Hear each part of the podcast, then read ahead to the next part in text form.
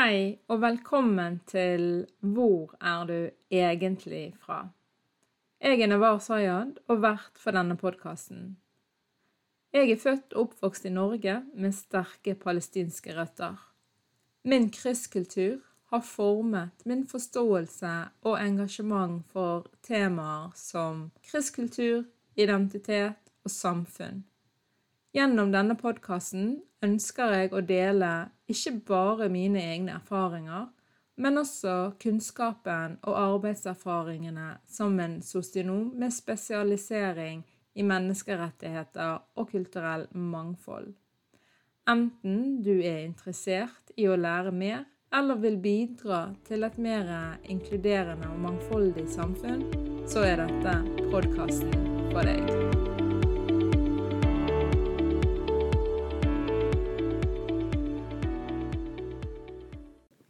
Hei, alle sammen. Det er en eh, stund siden sist, og det har vært uplanlagt. Da jeg tok en eh, ferie fra podkasten i sommer, så var tanken å spille inn sesong tre på høsten. Sesongen skulle handle om rasisme og den historiske utviklingen av rasismen. Sesongen skulle ta for seg kolonialisme, hvithetsprivilegier og diskutere om vi virkelig er forbi kolonialismen. For å forstå nåtiden så tror jeg nemlig at det er viktig å forstå fortiden. Så dro jeg på ferie til mitt andre hjemland, Palestina. Og da jeg skulle dra tilbake til Norge, så skjedde det noe som i ettertid har satt meg ut av spill. Jeg havnet i det jeg vil kalle for en Kafka-prosess, der jeg endte i en situasjon hvor jeg hadde null kontroll og makt, mens jeg samtidig konfronterte det israelske militæret, det israelske grensepolitiet og israelske befolkningsmyndigheter. Den norske ambassaden fikk meg ut av landet tolv dager etter at jeg egentlig skulle vært hjemme. Konsekvensene har ikke bare vært psykologiske, men jeg har tapt noe mye større, og sorgen i meg er fremdeles bunnløs. Denne episoden handler om det som skjedde med meg i sommer, og jeg forteller dere om den fordi det er viktig at dere forstår at motstanden det palestinske folket har til det israelske regimet, handler om mye mer enn det vi ser foregår i Gaza i dag. Det er òg umulig å ha palestinske røtter og en plattform som en podkast, og ikke bruke stemmen min til å formidle kunnskap og dele erfaringer om hva det vil si å tilhøre et okkupert folk som styres etter rasistiske regler og lover, altså apartheid. Palestinere har vært utsatt for mye urett i mer enn 75 år, og det skal denne miniserien om Palestina prøve å belyse. Tidligere så har jeg nedtronet noe av dette, men nå, med grusomhetene som foregår, så går det bare ikke an å ikke gjøre det jeg kan for å bidra til at flere bevisstgjøres på vår historie. Men det gjør vondt. Det river i hjertet hver gang jeg snakker om hvordan palestinere har blitt og blir behandlet av verdenssamfunnet, og produksjonen av denne serien har stoppet opp flere ganger. Så traff jeg en god venn av meg, Samra, som sa det at jeg bare burde begynne med historien min. Så får det andre heller komme. Så da gjør jeg det. Velkommen til en miniserie om Palestina. For at dere skal forstå alvorheten i både det som skjedde og konsekvensene av det, så må dere først vite noe om status og rettigheter i det som dere kjenner til som Israel og Palestina.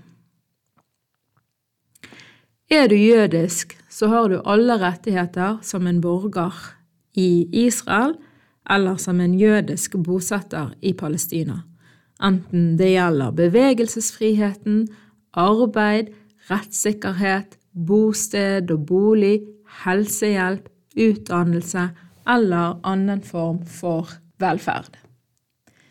Er du araber, enten du er muslim eller kristen, så er saken fullstendig annerledes. Til og med selv om du skulle ha israelsk statsborgerskap og bo innenfor dagens israelske grenser. Som en araber i Israel blir du først og fremst ikke anerkjent som en palestiner. Det er din etnisitet og ikke nasjonale identitet som en refererer til. Dette er en del av et system om å ikke anerkjenne det palestinske folket, selv om dagens Israel var kjent som Palestina før 1947 og var bebodd av palestinere. Du har dessuten ikke like rettigheter som dine jødiske naboer. Det er begrensninger på utdanning, på å utbedre boligen din, på hva jobb du får lov til å ha, og du tjener mindre. Du har muligheten til å reise ut av Israel og inn i det som dere kjenner til som palestinske områder, som er Vestbredden, Jerusalem og Gazastripen. Men du vil være utsatt for mye kontroll. Du er rett og slett utsatt for etnisk diskriminering på alle arenaer. Og dette er noen av flere grunner til hvorfor Israel med rette anklages for å være et apartheidregime.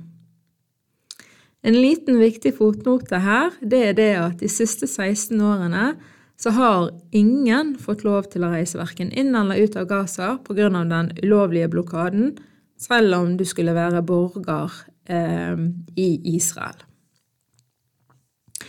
Er du en palestiner fra Jerusalem, så har du en annen status. Du er nummer tre på rangstigen. Du har som regel lov til å reise ut av eh, Jerusalem til f.eks. Israel og Vestbredden. Du har lov til å reise ut av landet gjennom flyplassen i Tel Aviv. Du har lov til å bo og jobbe i byen.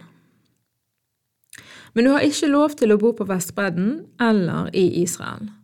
Du vil heller ikke ha samme tilgang til arbeid og utdannelse i israelske områder, men du må søke om spesialtillatelse. Jerusalem er annektert av Israel.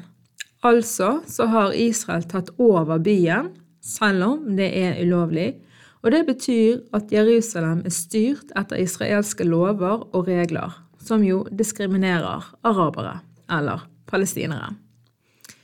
For eksempel så kan man nektes å bygge ut hjemmet sitt eller å bygge i det hele tatt på egen eiendom. Hvis du først får tillatelse til å bygge, så koster det deg ofte mer enn det dobbelte av hva det koster for israelske jøder å bygge. Vi sjøl har en ganske stor eiendom i Jerusalem, og det har tatt min far og hans brødre flere år før de fikk byggetillatelse av Israel. Dette vet vi ganske mye om. Kommer du fra Vestbredden, så begynner vi å snakke om lavstatus. For det første så bor du i et palestinsk område, men som igjen er styrt av Israel. Men til forskjell fra folk i Jerusalem så er du underlagt israelsk militær lov.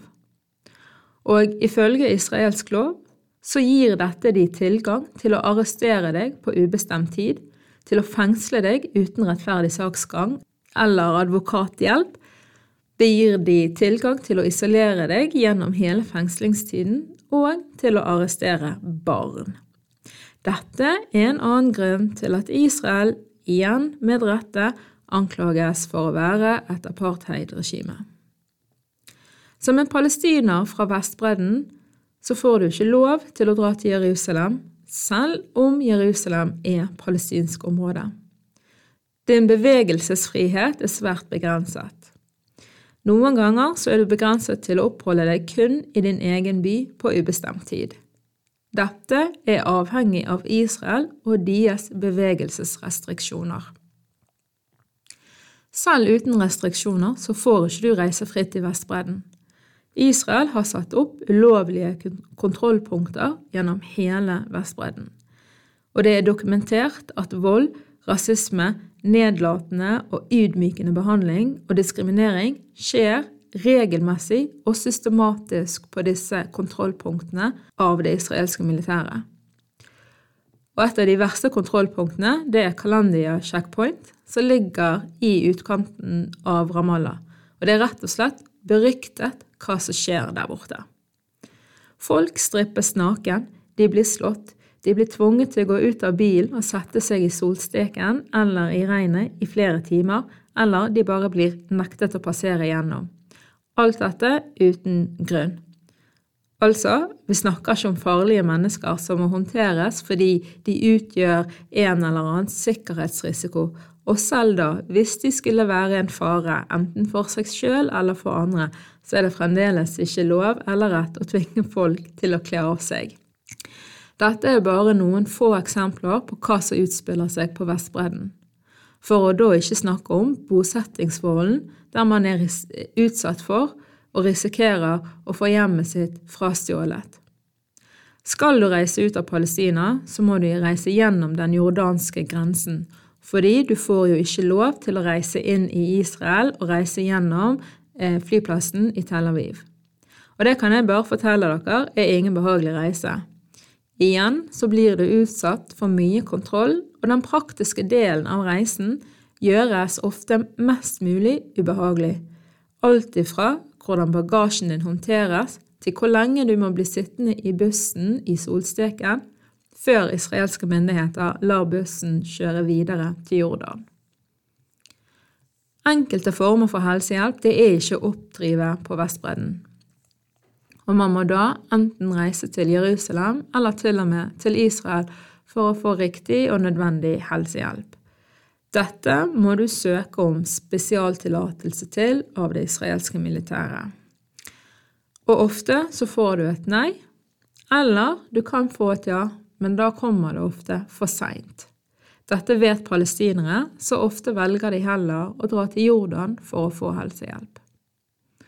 Min masteroppgave handlet om hvordan begrensningene på bevegelsesfriheten på Vestbredden ødelegger hele samfunnet, og den dokumenterer hvordan og hvorfor dette er ulovlig, inkludert disse famøse kontrollpunktene.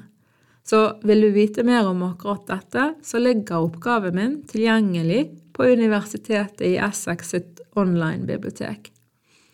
Jeg har fått høre at jeg trolig fikk så god karakter som jeg gjorde på den oppgaven, fordi komiteen som vurderte min oppgave, ikke ville fremstå som pro-israeler fremfor en palestiner.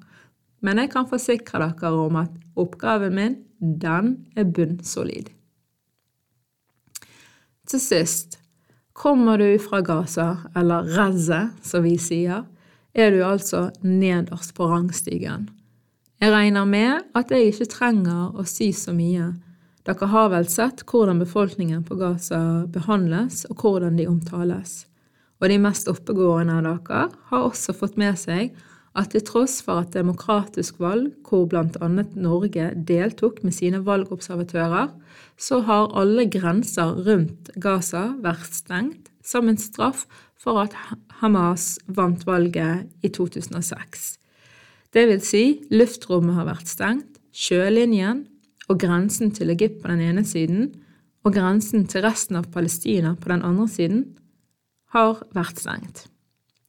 Ingen kommer inn eller ut med mindre en oppnår spesialtillatelse av militæret. Og mange ulike varer og produkter har vært ulovlig å frakte inn, sånn som byggematerialer, banale matprodukter som sjokolade og ingefær, og andre produkter som tegnesaker og fotballer. Så nå har dere i et nøtteskall hvordan palestinere styres, alt ut ifra hvor i landet, altså hele det historiske området Palestina, en kommer ifra. Dere må forstå at palestinere er et okkupert folk, og vi styres etter rasistiske lover og regler. Konsekvensene dette har på samfunnet som helhet, på helse, på livskvalitet, på livsmuligheter, er katastrofale. Nå Palestinere som har tilknytning til Jerusalem, sånn som meg, er nå mer enn tidligere en del av et større politisk spill som handler om å fordrive palestinere ut av Jerusalem. Israel vil ha Jerusalem for seg sjøl, og jammen er Israel utspekulert i hvordan de gjør dette. Her er min historie. Jeg skulle hjem igjen til Norge etter to uker med sommerferie i Jerusalem. På flyplassen så ble jeg stoppet av grensepolitiet under passkontrollen. De sa jeg hadde palestinsk pass, altså pass fra Vestbredden, og at jeg derfor ikke hadde tillatelse til å reise gjennom flyplassen. Jeg bestridet dette, fordi jeg har jo aldri hatt noe palestinsk. Det jeg har hatt, det er israelsk identitetsnummer som jeg har fått fordi min far er fra Jerusalem. Jeg ba om å få detaljer om dette palestinske passet, sånn som passnummeret, når jeg fikk dette passet utstøtt, og hvem som hadde signert på mine vegne. Det eneste grensepolitiet sa, det var at de hadde ikke detaljene. Jeg viste dem mitt norske pass og sa jeg skulle ut som en norsk statsborger. De svarte at de ikke brydde seg om at jeg var norsk. Jeg var, ifølge dem, en palestinsk borger. Jeg spurte de da hvordan jeg hadde kommet inn i landet gjennom flyplassen, fordi at palestinske borgere fra Vestbredden ikke har lov til å reise via Ben Gurion. Det hadde de ingen forklaring på. Jeg ble sittende og vente utenfor grensepolitiet sitt kontor i fem timer. Min far hadde allerede ringt til UD, som hadde opprettet sak. Siden dette var på en lørdag, sa de at ambassaden ikke kunne gjøre noe før på mandag, men at saken ble oversendt ambassaden. Så folkens, ambassaden de driver ikke med krisehåndtering. Det kan vi bare slå fast. To ulike politimenn de kom ut totalt tre ganger og spurte meg spørsmål, sånn som hvor jeg var født, hvor jeg bodde, hvor min far var fra, og hvor han bodde. Jeg ble sittende utenfor kontoret til grensepolitiet til jeg skulle gå om bord flyet. Da kom en av eh, politimennene ut igjen og sa at de hadde gitt beskjed til flyselskapet om at jeg ikke skal fly, og at bagasjen min skulle bli tatt ut. Så kom det to eh, politidamer som skulle ekskortere meg ut av avgangshallen. Og plassere meg utenfor eh, bagasjerommet, så jeg kunne hente koffertene mine. Men det fikk jeg ikke lov til å gjøre før flyet hadde eh, tatt av. Situasjonen føltes jo helt absurd, fordi jeg fikk jo presentert en påstand som ikke hadde noe hold i seg.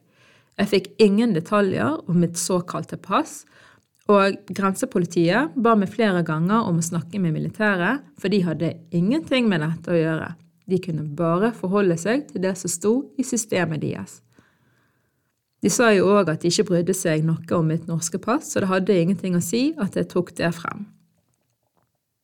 Og mens jeg satt der i flere timer, så så jeg den ene araberen etter den andre bli eh, hanket ut av passkontrollen og bedt om å sitte utenfor grensepolitiet og vente der mens de ble kontrollert. Det var enslige menn og kvinner, tenåringer som reiste alene, familier og eldre ektepar.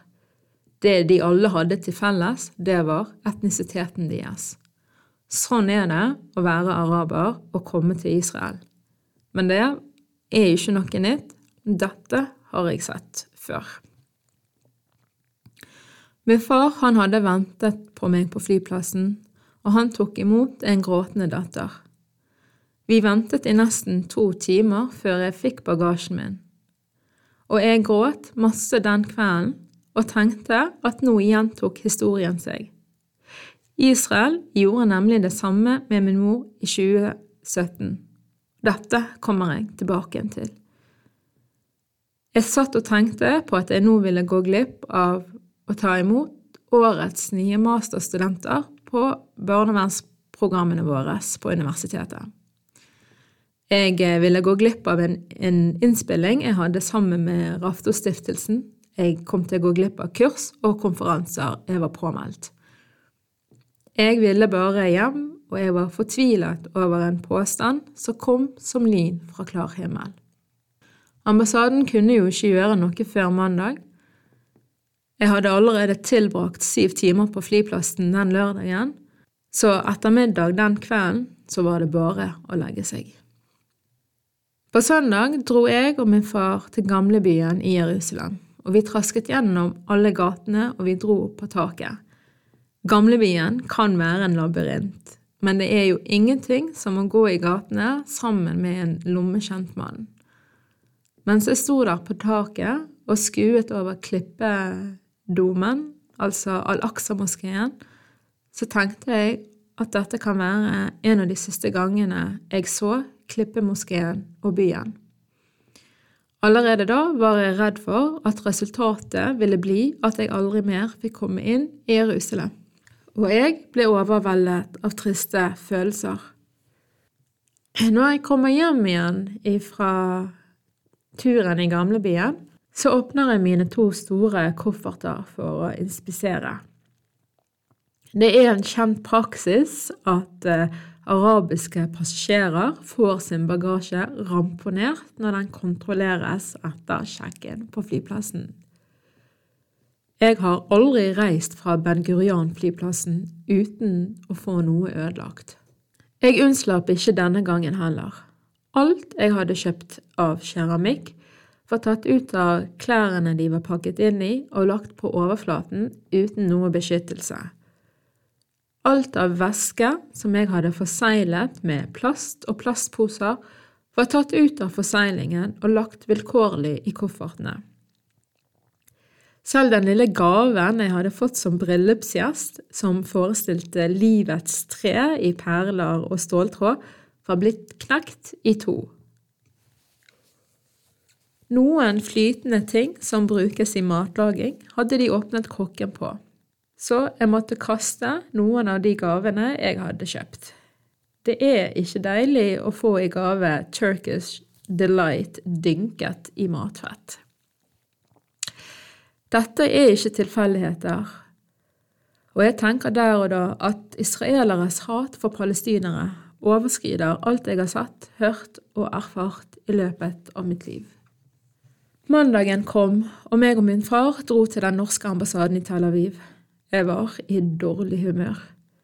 Egentlig så skulle jeg den dagen stått fremme i undervisningsrommet på Alrek helseklynge sammen med mine kollegaer og presentere meg sjøl og emnet jeg skulle undervise i senere den høsten. I stedet var jeg på vei til ambassaden fordi jeg ikke fikk reise ut av Israel. Vi ble tatt godt imot av fungerende ambassadør. Den gamle ambassadøren hadde kommet tilbake igjen til Norge, og den nye var ennå ikke kommet på plass i landet. Det var eh, fungerende ambassadør og to andre ansatte. Og jeg må si at det føltes ubeskrivelig godt å bli tatt imot av nordmenn, å bli lyttet til og bli tatt på alvor. Det var også noe veldig kjent å være blant nordmenn, og å forhåndsstemme selv i en vanskelig situasjon. Dette var jo før den store valgdagen. Ambassaden var opptatt av å høre om mine erfaringer fra flyplassen, samtidig som de sa klart ifra om at de ikke kunne få meg ut av landet dersom Israel ikke ga de grønt lys. Videre så forteller de at de ikke har vært borti min situasjon før. Som regel er det motsatt problem, sier ambassaden, at nordmenn har vanskeligheter med å komme inn i landet. Dette gjelder gjerne nordmenn som har palestinske røtter, eller som er aktiv i boikottbevegelsen. Jeg blir fortalt at ambassaden er klar over at flyplassen har en streng praksis, og at de gjør det noen ganger vanskelig å reise inn og ut av flyplassen. Ambassaden mente at det å reise gjennom grenseovergangen til Jordan var mye lettere, og at nordmenn kom seg alltid inn og ut derifra. Jeg ble derfor rådet til å reise gjennom Jordan, eller gjennom grenseovergangen til Jordan, neste gang jeg skulle forsøke å reise ut. Jeg forklarte til ambassaden at det var veldig viktig at hvis jeg skulle reise gjennom eh, den andre grensen, at jeg skulle da reise ut som en norsk statsborger og ikke som en palestiner. Fordi jeg vet at det er bare palestinske borgere som regel som reiser ut gjennom akkurat denne grensen. Jeg forklarte ambassaden at jeg har israelsk identitetsnummer. Det gjør at jeg har bostedstillatelse i f.eks. Jerusalem. Og dette identitetsnummeret hadde jo jeg fordi min far er fra Jerusalem, og han søkte om å få meg registrert da jeg ble født. Videre så forklarte jeg at dersom jeg faktisk får palestinske identitetspapirer utstedt, så ville jeg miste innreisetillatelse til Israel og Jerusalem, retten til å bosette meg i Jerusalem, retten til å jobbe i Jerusalem og retten til å juridisk arve eiendom og land som vi har i byen. I tillegg sa jeg at jeg ville miste tilknytningen til min familie og slekt i Jerusalem og tilgangen til vårt hellige sted, klippemoskeen Al-Aqsa. Jeg forklarte òg at samme situasjon skjedde med min mor i 2017. Da hun sto på grenseovergangen til Jordan, på vei ut av landet, så fikk hun beskjed om at hun måtte få palestinske identitetsdokumenter utstedt dersom hun skulle slippe ut av landet. Hun var riktignok født på Vestbredden, men hun hadde fått israelsk identitetsnummer da hun giftet seg med min far som 18-åring. Riktignok så hadde israelske myndigheter inndratt hennes israelske identitetspapirer i 2005, men identitetsnummeret hadde hun beholdt. Siden 2008 har min mor reist inn og ut av landet med sitt norske pass, inntil 2017.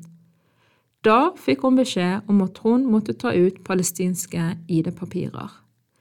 Min mor prøvde å reise ut av landet en hel måned. Alle gangene hun forsøkte, så ble hun sendt tilbake igjen av det israelske grensepolitiet.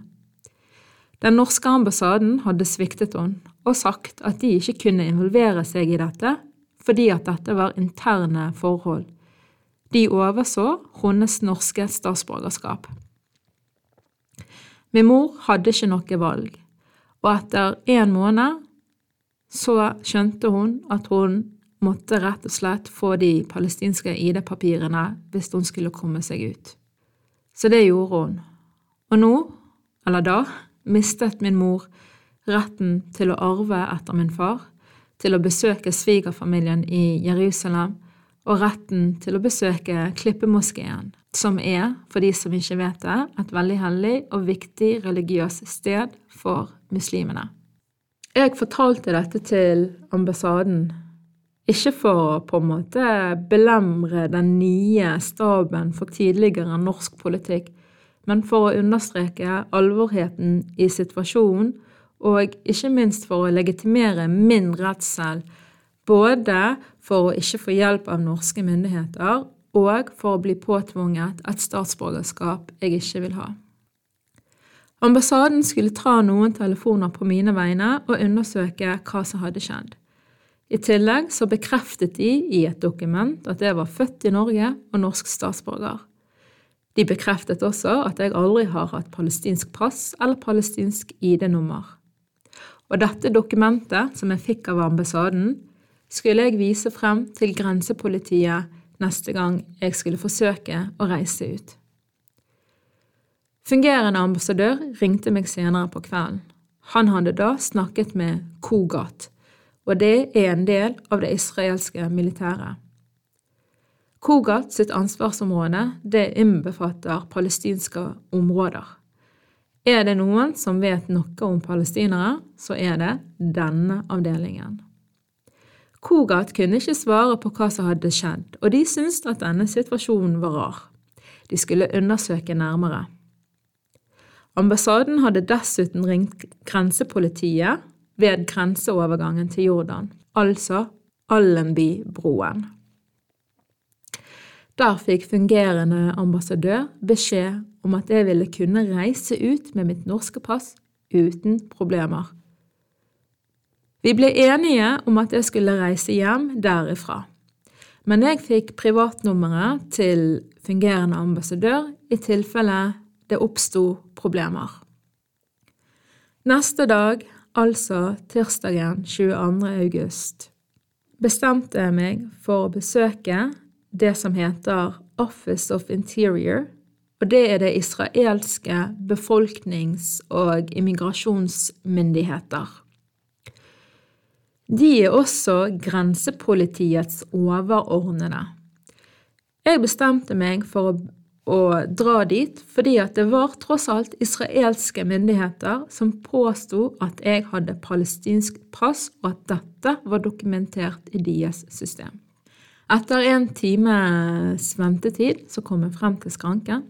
Jeg fortalte om min situasjon, og at jeg gjerne ville rette opp i den feilaktige registreringen. Damen som satt der, tok passet mitt og forsvant på bakrommet i ti minutter. Hun kom tilbake med passet mitt og bekreftet muntlig at jeg ikke hadde noe palestinsk registrert i deres system, og at jeg skulle kunne reise ut fra hvor jeg ville inkludert flyplassen. Videre så ga hun meg et dokument og sa at jeg måtte ha med meg dette papiret når jeg reiser til og fra Israel, og at jeg burde ta flere kopier av dette papiret her. Innholdet var skrevet på bokmål arabisk og hebraisk, og det forsto jeg ikke. Men jeg fikk ikke hjelp av damen til å forstå innholdet. Hun bare trykket på neste kønummer og ba meg om å gå. Da jeg kom hjem til bestemor, så oversatte min far dokumentet jeg fikk. Israelske myndigheter hadde kansellert mitt israelske ID-nummer, og jeg fikk 21 dager på meg til å bestride det. Jeg ringer fungerende ambassadør, som syns situasjonen blir merkeligere og merkeligere. Jeg spør hva de råder meg til i forbindelse med å reise ut. Skal jeg velge flyplassen eller broen? Jeg får ikke noe konkret råd, fordi ambassaden har ikke vært i denne situasjonen før, og de syns det er vanskelig å si hva som er best. Fungerende ambassadør gjentar at praksisen på flyplassen er streng, og at jeg i hvert fall får reise ut gjennom broen, men at valget var helt opp til meg. Sammen med min familie så bestemte jeg meg for å reise ut samme vei som jeg kom inn, nemlig gjennom Ben Gurion-flyplassen. Det er også nærmere, enklere, bedre og billigere. Jeg kjøper en ny billett og forsøker å reise på torsdag. Neste dag, på onsdagen, så sendte jeg melding til fastlegen, og jeg ba om sykemelding. Jeg kjente at jeg var ikke i stand til å jobbe digitalt, selv om muligheten var der. Jeg forklarer fastlegen at det å ikke få komme hjem eller vite når jeg kommer hjem, er en ekstrem og belastende situasjon som går utover min arbeidsevne. Fastlegen hun forstår det imidlertid sånn at jeg vil ha sykemelding fordi at jeg er langt unna arbeidsplassen min, og selv om jeg forklarer på nytt situasjonen, så får jeg avslag på sykemelding. Hun skriver at jeg i tillegg må være fysisk til stede på legekontoret for å få sykemelding, selv om jeg har vært der flere ganger tidligere. Dette viser jo seg å ikke stemme i etterkant. Torsdagen så eh, bestemmer jeg meg for å dra til flyplassen, og jeg har jo fortalt ambassaden om dette. De står klar. Jeg ber om å få følge fordi jeg stoler ikke på israelske myndigheter. Men ambassaden har få folk, og det er mye som skjer, får jeg til svar. Jeg gruer meg, og jeg kjenner panikken idet jeg nærmer meg. Jeg blir igjen stoppet med passkontrollen, og samme film snørrer. Denne gangen så blir jeg kalt inn på kontoret til grensepolitiet, og nå oppgir de et palestinsk identitetsnummer som de mener er mitt. Jeg ber igjen om å få detaljer, men jeg får ingen. De har derimot kontroll på alle ganger jeg har kommet inn og ut av landet gjennom hvilken måter, altså om det har vært gjennom flyplassen eller broen. De har registrert hele familien min, bostedsadressen min i Jerusalem, men de har altså ingen detaljer på det såkalte palestinske ID-nummeret.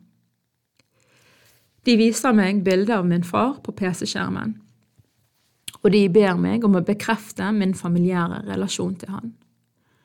De ber meg også bekrefte datoen og tidspunktet jeg ankom Israel, og at jeg ankom med min bror, noe jeg gjør. Da sier de at også han har palestinsk pass. Jeg benekter dette, og jeg spør hvorfor de da lot han reise ut av landet gjennom flyplassen forrige uke uten noen problemer. De svarer at det var en feil fra deres side. Jeg fnyser av dette, og jeg sier at de gjør aldri noe feil. Jeg sier videre at jeg var hos deres myndigheter på tirsdag, og som bekreftet at jeg ikke har noe som helst palestinsk registrert i deres fellessystem. Begge politimennene jeg konfronterer, trekker på skuldrene og sier at det er ikke det deres datamaskin sier. Jeg ber de bekrefte at Office of Interior er deres overordnede, noe de gjør. Jeg sier at de da må rette seg etter at jeg faktisk ikke har noen palestinske papirer, og la meg slippe ut. Da sier de at når mitt israelske ID-nummer ble slettet, så ble mitt palestinske ID-nummer aktivert, og at jeg nå betraktes som en palestinsk borger.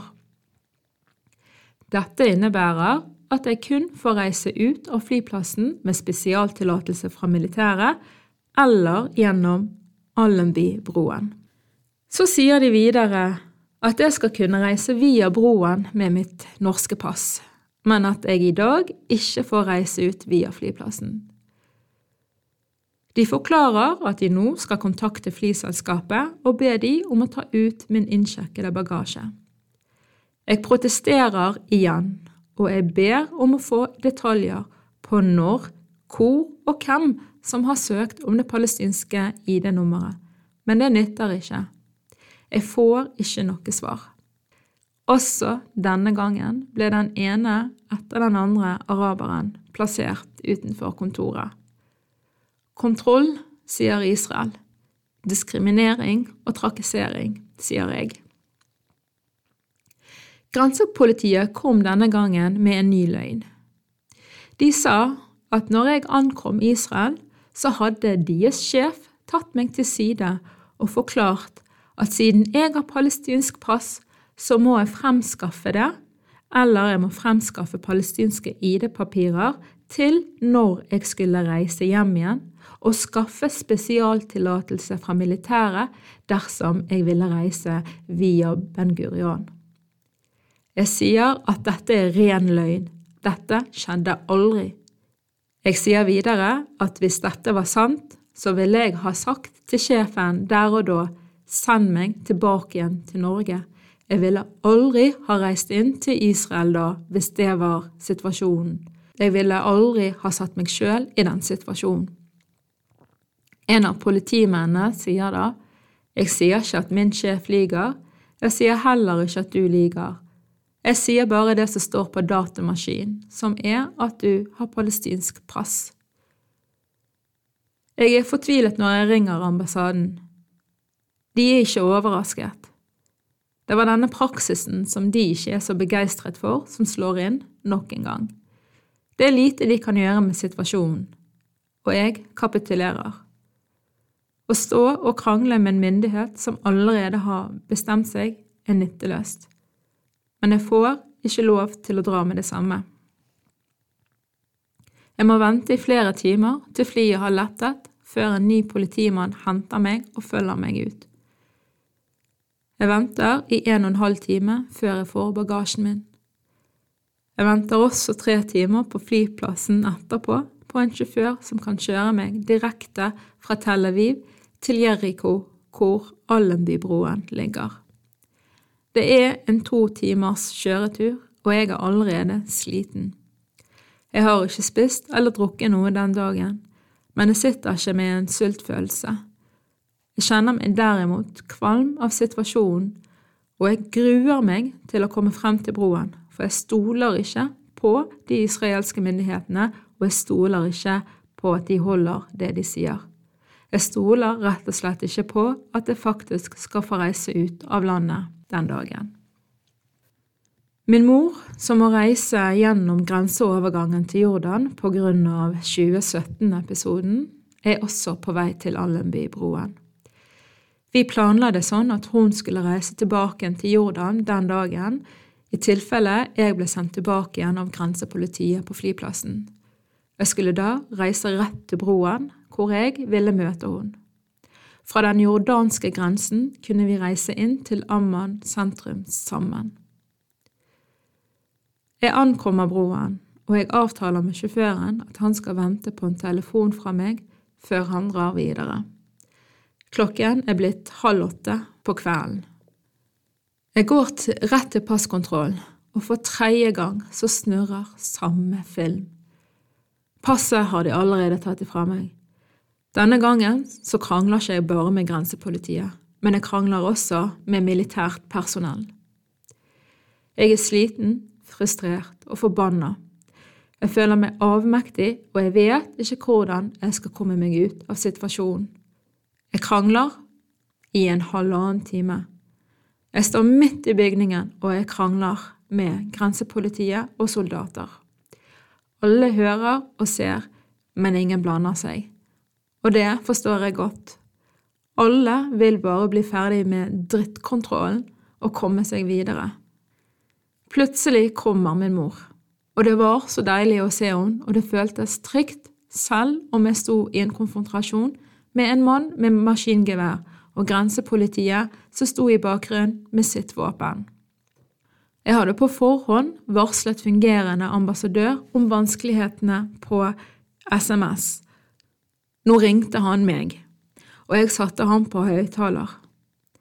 Han forlangte å snakke med lederen til soldaten som jeg snakker med, som svarer at han er lederen. Ben het han. Fungerende ambassadør argumenterer for at jeg skal få reise ut. Også han er frustrert nå. På et tidspunkt så sier han at de skaper et politisk problem mellom Norge og Israel. Soldaten Ben trekker på skulderen og sier ok. Do what you need to do. Ben han er ferdig snakket med ambassadøren, selv om ambassadøren er midt i en setning. Jeg får telefonen min tilbake igjen. Ambassadøren sier at det ikke er noe å gjøre nå fordi at det er så seint på kvelden, men at de skal ta tak i dette neste morgen. Jeg ber soldaten om å la meg reise. Jeg sier at jeg forstår hva de har registrert, men at dette er fullstendig ukjent for meg. Videre så sier jeg at vanlig praksis er ikke å slippe inn gjennom Ben Gurian som palestiner, og at da jeg ankom, så burde jeg få valget om å enten bli sendt tilbake til Norge eller komme inn, men reise ut som palestiner. Jeg sier, siden jeg ikke fikk dette valget, kan du ikke sende meg hjem i dag. Send meg hjem i dag, så skal jeg ordne papirene mine før jeg kommer hit neste gang. Nei, dessverre, sier Ben. Du er en palestinsk borger, og jeg må behandle deg som en. Du får ikke reise herifra som turist. Jeg ber de igjen forklare hvordan jeg har fått dette palestinske ID-nummeret og passet som de påstår at jeg har, siden jeg aldri har søkt om det, heller ikke mine foreldre. Ben svarer I don't have an explanation. Neste scene som ruller, er fullstendig latterlig og hver gang jeg tenker på det i retrospektiv, så blir jeg sint over hvor dum israelske myndigheter tror at jeg er. Ben kommer nemlig med et forslag. Han foreslår å ringe palestinske myndigheter og oppgi mitt palestinske ID-nummer uten å oppgi mitt navn, og spørre hvem dette nummeret står registrert på. Jeg sier ok, la oss spille spillet ditt. Ben ringer noen og har vedkommende på høyttaler, og spør eh, personen om han sitter foran PC-en, noe denne personen bekrefter. Han oppgir det som skal være mitt palestinske ID-nummer, og spør hvilket navn som da dukker opp. Denne personen sier da at han må ringe Ben opp igjen om to minutter. Jeg sier at dette er bullshit. Ben svarer, men kanskje han ikke sitter foran datamaskinen. Jeg gjentar at dette er bullshit, han sa jo nå nettopp at han gjorde det. Jeg blir mer og mer oppgitt over denne manipulasjonen. Bens telefon ringer akkurat to minutter seinere. Han oppgir det palestinske ID-nummeret og sier at det står på mitt navn. Ben sier, Ser du? Da spør min mor denne personen som er på høyttaler, om når jeg fikk dette palestinske ID-nummeret utstedt, og hvem som hadde søkt om det. Vedkommende sier at detaljene ikke, det, ikke er viktig. Det viktige er at jeg har palestinsk ID-nummer, og så legger han på. Jeg gjentar at dette er bullshit. Jeg sier dere lyver, dere manipulerer, dere vet at jeg egentlig ikke er palestinsk. Og det som jeg syntes var forferdelig òg med denne situasjonen, det var at jeg sitter og gjentar flere ganger jeg er ikke palestiner, jeg er ikke palestiner, la meg få reise hjem. Hvis dere følger meg på sosiale medier, så vet dere at jeg er veldig stolt av mine palestinske røtter. Men jeg er i en situasjon der det ikke er greit å ha palestinske røtter, og jeg må benekte hvem jeg er, altså mine palestinske røtter, fordi de sitter og sier at jeg er palestiner, og konsekvensene av det, som dere sikkert har skjønt nå, er ganske store. Og de mener ikke at jeg er palestiner fra Jerusalem, de mener at jeg er palestiner fra Vestbredden. Og det har jo veldig store konsekvenser. Og det er, har vært en utrolig ydmykende situasjon å stå i. Å måtte si og gjenta. Og se at soldaten smiler når jeg sier jeg er ikke palestiner. Jeg vil ikke være palestiner. Jeg kommer aldri til å søke om det palestinske passet. La meg få reise hjem. Min mor sin buss skal òg kjøre videre til jordansk grensepoliti, og vi må ta avskjed. Og hjertet mitt brister der og da, fordi jeg skjønner at jeg må snu, og at jeg ikke får fortsette hjemreisen min. Jeg klemmer min mor, og jeg brister ut i gråt. Jeg brydde meg ikke om publikummet. Jeg vet at de tenkte at dette er nok en palestiner som utsettes for noe galt. Jeg vet at de alle syntes synd i meg, og at de ville ha hjulpet dersom de kunne. Min mor klemmer meg tilbake og sier at det vil ordne seg til slutt. Hun gjentar at det kommer til å ordne seg, mens hun rygger seg ut av bygningen og inn på bussen, og jeg står igjen gråtende. Jeg følges ut av bygget av en politimann og inn i taxien. Først da får jeg passet mitt tilbake, og dokumentene både fra den norske ambassaden og fra befolkningsmyndighetene som jeg var hos. Denne gangen så, så de i det minste på papirene, det gjorde de ikke på flyplassen. Mens koffertene mine legges i taxien av en arabisk ansatt, og jeg står gråtende og ser på, så sier han til meg, si alhamdulillah, altså takk Allah, takk Gud. Han minner meg om å takke Gud, for livet og situasjonen kunne tross alt vært verre. Det er også en måte å få trøst på. Gud, Allah, er til stede med meg. Jeg sier alhamdulillah, og jeg takker også Han for å minne meg om dette. I taxien så gjennomgår jeg passet mitt. Jeg oppdager at innreisetillatelsen som jeg fikk da jeg ankom flyplassen, en liten grønn lapp, den har de tatt ifra meg, og de har stemplet et palestinsk ID-nummer i passet mitt. Dette gjorde de uten å informere meg om, verken før eller etter. Dette betydde at jeg i utgangspunktet ikke kunne dra tilbake igjen til Jerusalem, for palestinere har ikke adgang til byen. Dette var jo et problem, for mellom Jeriko og Jerusalem så er jo det et militært kontrollpunkt. Dersom vi ble stoppet og kontrollert, så ville vi bli nektet adgang. Sjåføren ba meg om å sitte bak han. Det var lettere å gjemme meg bak setet hans og det svarte vindusglasset. Vi slapp heldigvis gjennom uten å bli stoppet, men jeg hadde hjertet i halsen, og de minuttene denne passeringen varte, føltes som flere timer. Jeg kom hjem igjen til bestemor klokken halv elleve på kvelden. Jeg hadde da vært på reisefot siden åtte den morgenen. Bestemor satt oppe og ventet på meg. Hun ga meg en god klem før hun lagde en liten matbit til meg. Min far hadde på forhånd ringt og gitt beskjed om hva som hadde skjedd. Jeg fikk ikke lov til å legge meg av henne før jeg hadde fått noe mat i meg. Jeg la meg den kvelden fullstendig knust. Fredag 25. august så satt jeg på American Colony-hotellet da ambassaden ringte. Hotellet, som har vært safe haven under krigene etter at Palestina ble overgitt FN og delt. Hvis dere har lest Odd Karsten Tveit sin bok Salongen i Jerusalem, så vet dere hvilket hotell jeg snakker om. Det var blitt ettermiddag før ambassaden ringte. Tidligere på dagen hadde jeg snakket med min veileder, som også er instituttleder der jeg jobber som stipendiat. Hun og universitetet har vært fantastiske, og jeg har mottatt masse emosjonell støtte, og det har varmet godt. Universitetet stilte seg til disposisjon for ambassaden, og jeg fikk beskjed om at den juridiske avdelingen var blitt orientert om min situasjon. Universitetet i Bergen ville ha sin ansatt tilbake i Norge. Ambassadøren forteller at situasjonen har ingen løsning. Israelske myndigheter er nå bastant på at jeg har palestinsk pass.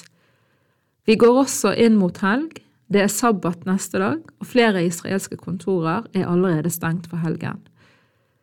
Jeg forteller at innreisetillatelsen min er tatt ifra meg, og at et palestinsk ID-nummer er stemplet i passet. Jeg blir bedt om å holde lav profil og å ikke reise noe sted.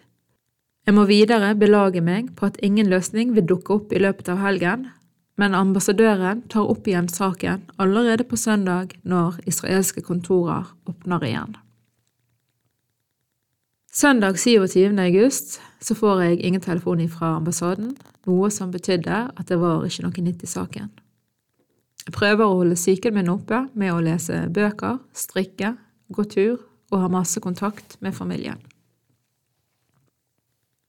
Jeg er også knust fordi jeg føler at jeg kjemper mot det norske helsesystemet. Jeg får fremdeles ikke sykemelding av fastlegen min, selv om min situasjon, min psykiske helsetilstand, blir verre. Det finnes heldigvis private løsninger på sykemeldingsproblemet. Jeg tar kontakt med doktor Drop-in, og den første legen jeg snakker med, informerer om at jeg har legitime grunner til å sykemeldes, men at hen ikke kan skrive sykemelding fordi hen ikke har hatt kontakt med meg før. Det er nemlig kriteriet for å sykemelde en, en pasient over digital kontakt. Når legen ringer meg tilbake igjen senere på kvelden for å gi konkrete råd til hva annet jeg kan gjøre, har ambassaden ringt meg med dårlig nytt. Jeg er midt i et hysterisk anfall når legen ringer, og hen vil ikke legge på før jeg puster normalt. Jeg tar meg sammen og sier meg enig med hen i at ting vil ordne seg, og at jeg kommer snart hjem igjen. Jeg ville bare legge på så jeg kunne grine meg ferdig for kvelden.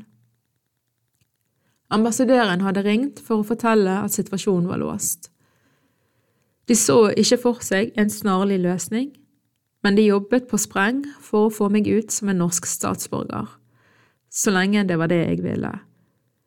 Jeg understreket at jeg nektet å la meg påtvinge en annen nasjonalitet, og at jeg ville ut som en norsk statsborger. Da jobber vi for det, sier fungerende ambassadør. Videre så, så, var det sånn at den nye ambassadøren han var da på plass i Tel Aviv, og de skulle ha noen møter med sentrale israelske myndigheter. De ville da ta saken min opp i dette møtet, i tillegg til å løfte saken til UD. Jeg drar hjem fra hotellet, altså The American Colony, og gråter til både tante og bestemor, som gir meg trøst. Tante sier at israelere er ikke verdt mine tårer, og at morgendagen kan se helt annerledes ut. Jeg snakker med min familie senere på kvelden. Vi begynner å legge planer for at jeg kanskje blir sittende fast i Jerusalem, som for eksempel at vi skal finne en leilighet jeg kan leie, kjøpe utstyr til hjemmekontor og sånne ting. Jeg nekter nemlig å la meg presse til å få utstedt palestinske ID-papirer når jeg aldri har hatt noe med palestinske myndigheter å gjøre. Jeg tar også kontakt med en lege som har møtt meg før, og jeg blir heldigvis sykemeldt. Jeg er forbanna over behandlingen fra min fastlege, og jeg bestemmer meg for å klage på henne ved første anledning, noe jeg òg skriver til henne. Det føltes som en stor seier å få sykemelding, og mulig et slags signal om hva morgendagen ville bringe. Tirsdag 29. august så får jeg en ny telefon på ettermiddagen av han som da hadde vært fungerende ambassadør helt til den nye kom. Han fortalte at det israelske militæret tilbyr meg en avtale med, no med noen vilkår som han lovet å videreformidle til meg. Jeg får lov til å dra fra Israel, gjennom flyplassen, med mitt norske pass, mot to vilkår. Jeg drar fra Israel i løpet av kort tid, og for alle fremtidige reiser så reiser jeg inn og ut som en palestinsk borger. Jeg konkluderer raskt med at dette er det beste norske myndigheter kan få til. De vil aldri klare å endre Israels registrering av meg. Og Sam, en av staben sa til meg, Israel er et land som opererer akkurat sånn som de vil. Og jeg hadde fått via andre kontaktpersoner vite at saken min må gå gjennom advokater og det israelske rettssystemet. Jeg snakker likevel med mine foreldre, som mener det samme som meg. Ta imot denne avtalen. Jeg er allikevel påpasselig med å understreke overfor ambassaden og ber de om å notere i sine systemer at det at jeg tar imot avtalen, ikke er en erkjennelse av at jeg har palestinsk ID-nummer, og at jeg ikke anerkjenner det palestinske passet som Israel mener at jeg har. Det er greit, sier min kontaktperson. Jeg sier også at jeg ikke underskriver på noen papirer. Jeg får beskjed om at det ligger ikke noen skriftlig avtale. Dette er en muntlig avtale, og at verken israelske myndigheter eller jeg skulle skrive under på noe. Kontaktpersonen min skulle dobbeltsjekke dette for å være sikker. Jeg bestilte flybillett samme ettermiddag med første fly til Oslo, for det gikk ikke noe fly til Bergen før om noen dager, og jeg kjente at jeg ville ut så fort som mulig. Det var jo også en del, av avtalen. Så flyet mitt skulle gå neste dag, altså på onsdag. Ambassaden får alle nødvendige opplysninger om flyruten, som videreformidles til KOGAT, ikke sant, det militære organet som bestemte disse tingene. KOGAT skulle koordinere min avgang med grensepolitiet på Ben Gurian-flyplassen, slik at jeg faktisk fikk reise ut.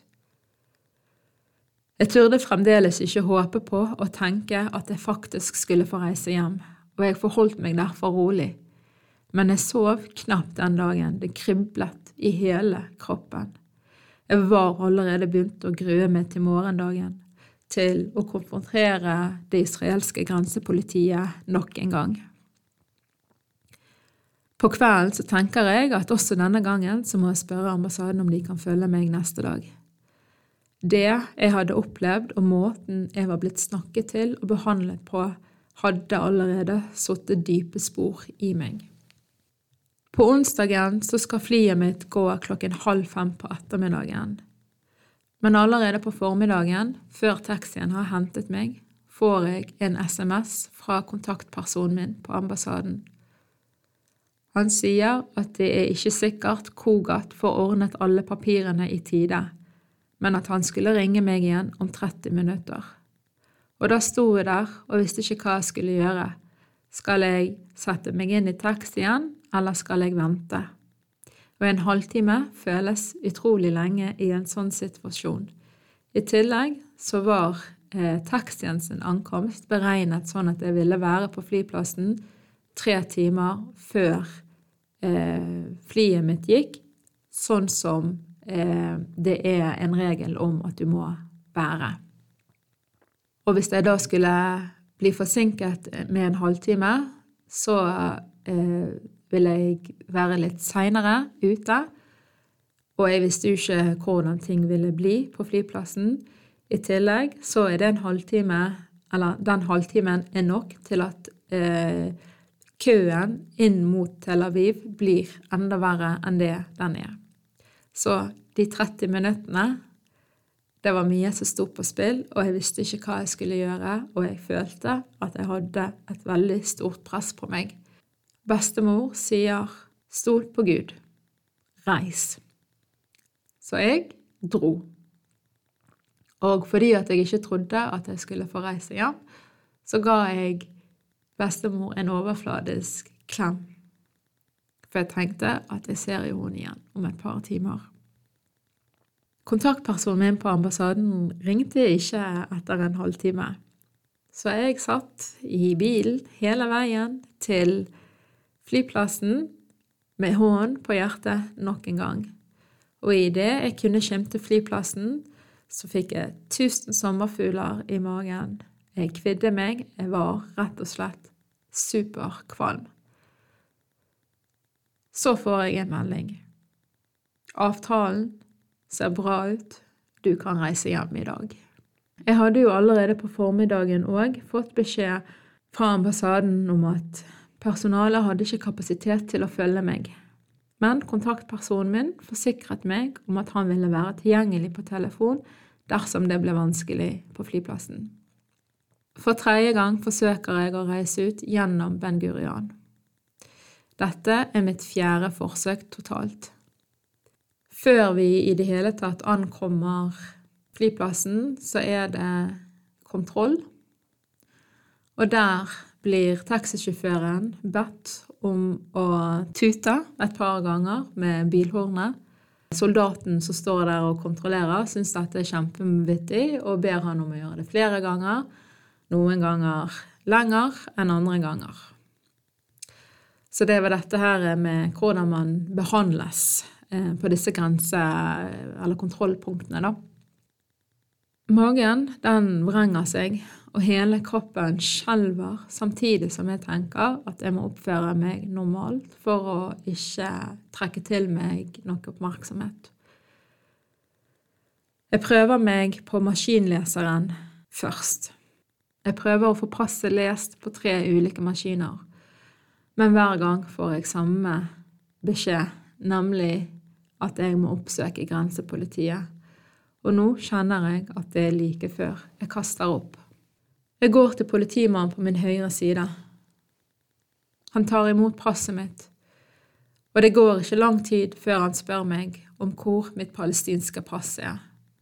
Denne gangen har jeg fått nok.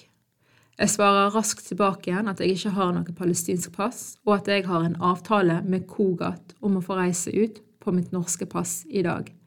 Jeg har oppfattet at Kogat har en eh, viss autoritet, så jeg gjentar at den norske ambassaden har avtale med Kogat flere ganger, og at hvis han har trøbbel med meg, så må han ringe til Kogat. Jeg hører at han scroller og klikker videre på PC-en. Jeg passer på å nevne Kogat flere ganger. Det har knapt gått fem minutter, og uten mer snakk så får jeg exit-lappen. Jeg tar den imot, og jeg går raskt ut av området. Hjertet dunker raskt når jeg gir den andre politimannen exit-lappen, og han lar meg passere forbi. Tårene står i øynene, og jeg kan knapt tro at jeg fikk slippe igjennom. Jeg kjente fortsatt at jeg måtte spy, og at adrenalinet i kroppen hadde nådd toppen. Jeg ringte fort mine foreldre og sa at jeg var kommet meg gjennom passkontrollen. Jeg ringer onkelen min, som òg satt på i taxien til flyplassen. Jeg forteller at han og sjåføren kan kjøre hjem. Jeg er gjennom. Både onkel og sjåføren jubler. Den samme sjåføren som har kjørt meg hver gang jeg har forsøkt å reise ut. Jeg sender en SMS til kontaktpersonen min på ambassaden og forteller at jeg er gjennom passkontrollen og takker han for hjelpen. Jeg forsøker òg å ringe han, men han tar ikke telefonen. Jeg tenker at han ringer opp igjen og han er tilgjengelig, og at han har nok sett meldingen min. Jeg våger fremdeles ikke å tro helt at jeg skal hjem. Jeg tror det ikke før jeg er i luften. Jeg er livredd for at jeg skal stoppes når jeg skal gå om bord flyet. Og det er ikke uten grunn at jeg er bekymret. Det er dumt at det er fire timer til flyet skal gå, for det er allerede blitt forsinket en time. Tiden går ganske langsomt for en som ser seg over skulderen hele tiden. Men plutselig skal jeg endelig få borde. Nå er det min tur til å skanne billetten, men da blir jeg stoppet av maskin, og flypersonalet ber meg om å komme bort til disken. Hjertet begynner å dunke fort og høyt igjen. Men jeg får bare beskjed om at de har byttet setet mitt, og de kan ikke forklare meg hvorfor. Ja ja, svarer jeg bare og tar imot den nye billetten. Jeg går fort mot flyet og jeg finner plassen min. Jeg slapper fortsatt ikke av. Vi sitter i ro i en halvtime. Så begynner flyet å rigge ut. Og jeg tenker nå skal jeg virkelig hjem. Men flyet begynner plutselig å kjøre inn igjen i hangaren der den sto. Det kommer noen inn på flyet. De må kontrollere enkelte passasjerer. Og dette er grunnen til at jeg ikke klarte å slappe av, for jeg visste at noe sånt kunne skje. De kommer mot meg, men heldigvis så hopper de over meg, og de sjekker de siste passene til passasjerene bak meg før de går ut. Og først da så klarte jeg å slappe av, for nå skulle jeg hjem. Jeg var fullstendig utladet men jeg var vei hjem.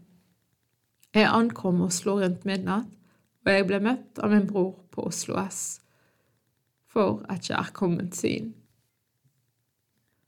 Og dette er én måte som Israel driver sin okkupasjonspolitikk på.